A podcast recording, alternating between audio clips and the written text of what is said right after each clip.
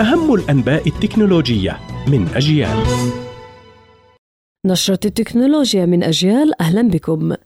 مختبر سيتيزن لاب المختص بالأمن الإلكتروني وشركة مايكروسوفت يكشفان عن أدوات قرصنة من إنتاج شركة كوادريم الإسرائيلية تستخدم في اختراق هواتف آيفون للصحفيين ومعارضين ومنظمات حقوقية في عشر دول على الأقل.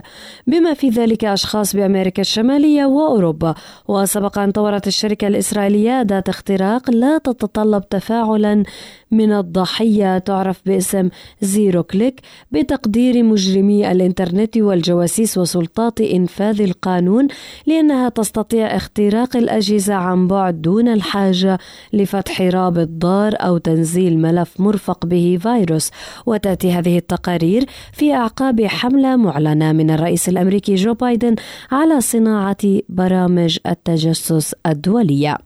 بحلول عام 2025 ستنتقل المؤسسات الحكومية الروسية إلى نظام التشغيل لوينكس بدلا من نظام التشغيل ويندوز الأمريكي وتنخفض نسبة أجهزة الكمبيوتر في المؤسسات الحكومية التي تعتمد نظام ويندوز مع نهاية العام إلى 20% فقط.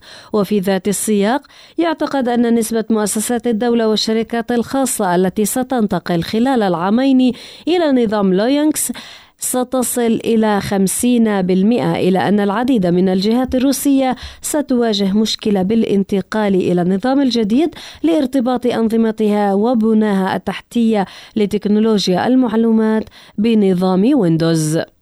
واتساب يختبر ميزة من الميزات المهمة الموجودة في تطبيق تيليجرام.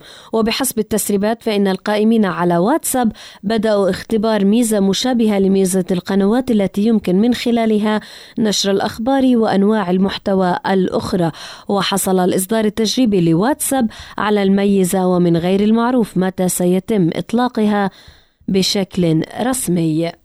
وشركة HTC تكشف عن هاتفها الذكي بمواصفات جيدة وستطرحه في الأسواق العالمية بسعر منافس. وحصل هاتف وايد فاير E3 لايت على هيكل مقاوم للرطوبة والغبار وزود بشاشة IPS LCD ويعمل بنظام أندرويد 12 وكاميرا أساسية ثنائية العدسة وكاميرا أمامية بدقة 5 ميجا بكسل وتعمل مع تقنية التعرف على الوجوه ومنفذين بشرائح الاتصال وماسح لبصمات الأصابع وبطارية بسعة 5 ملي أمبير تعمل مع شاحن سريع.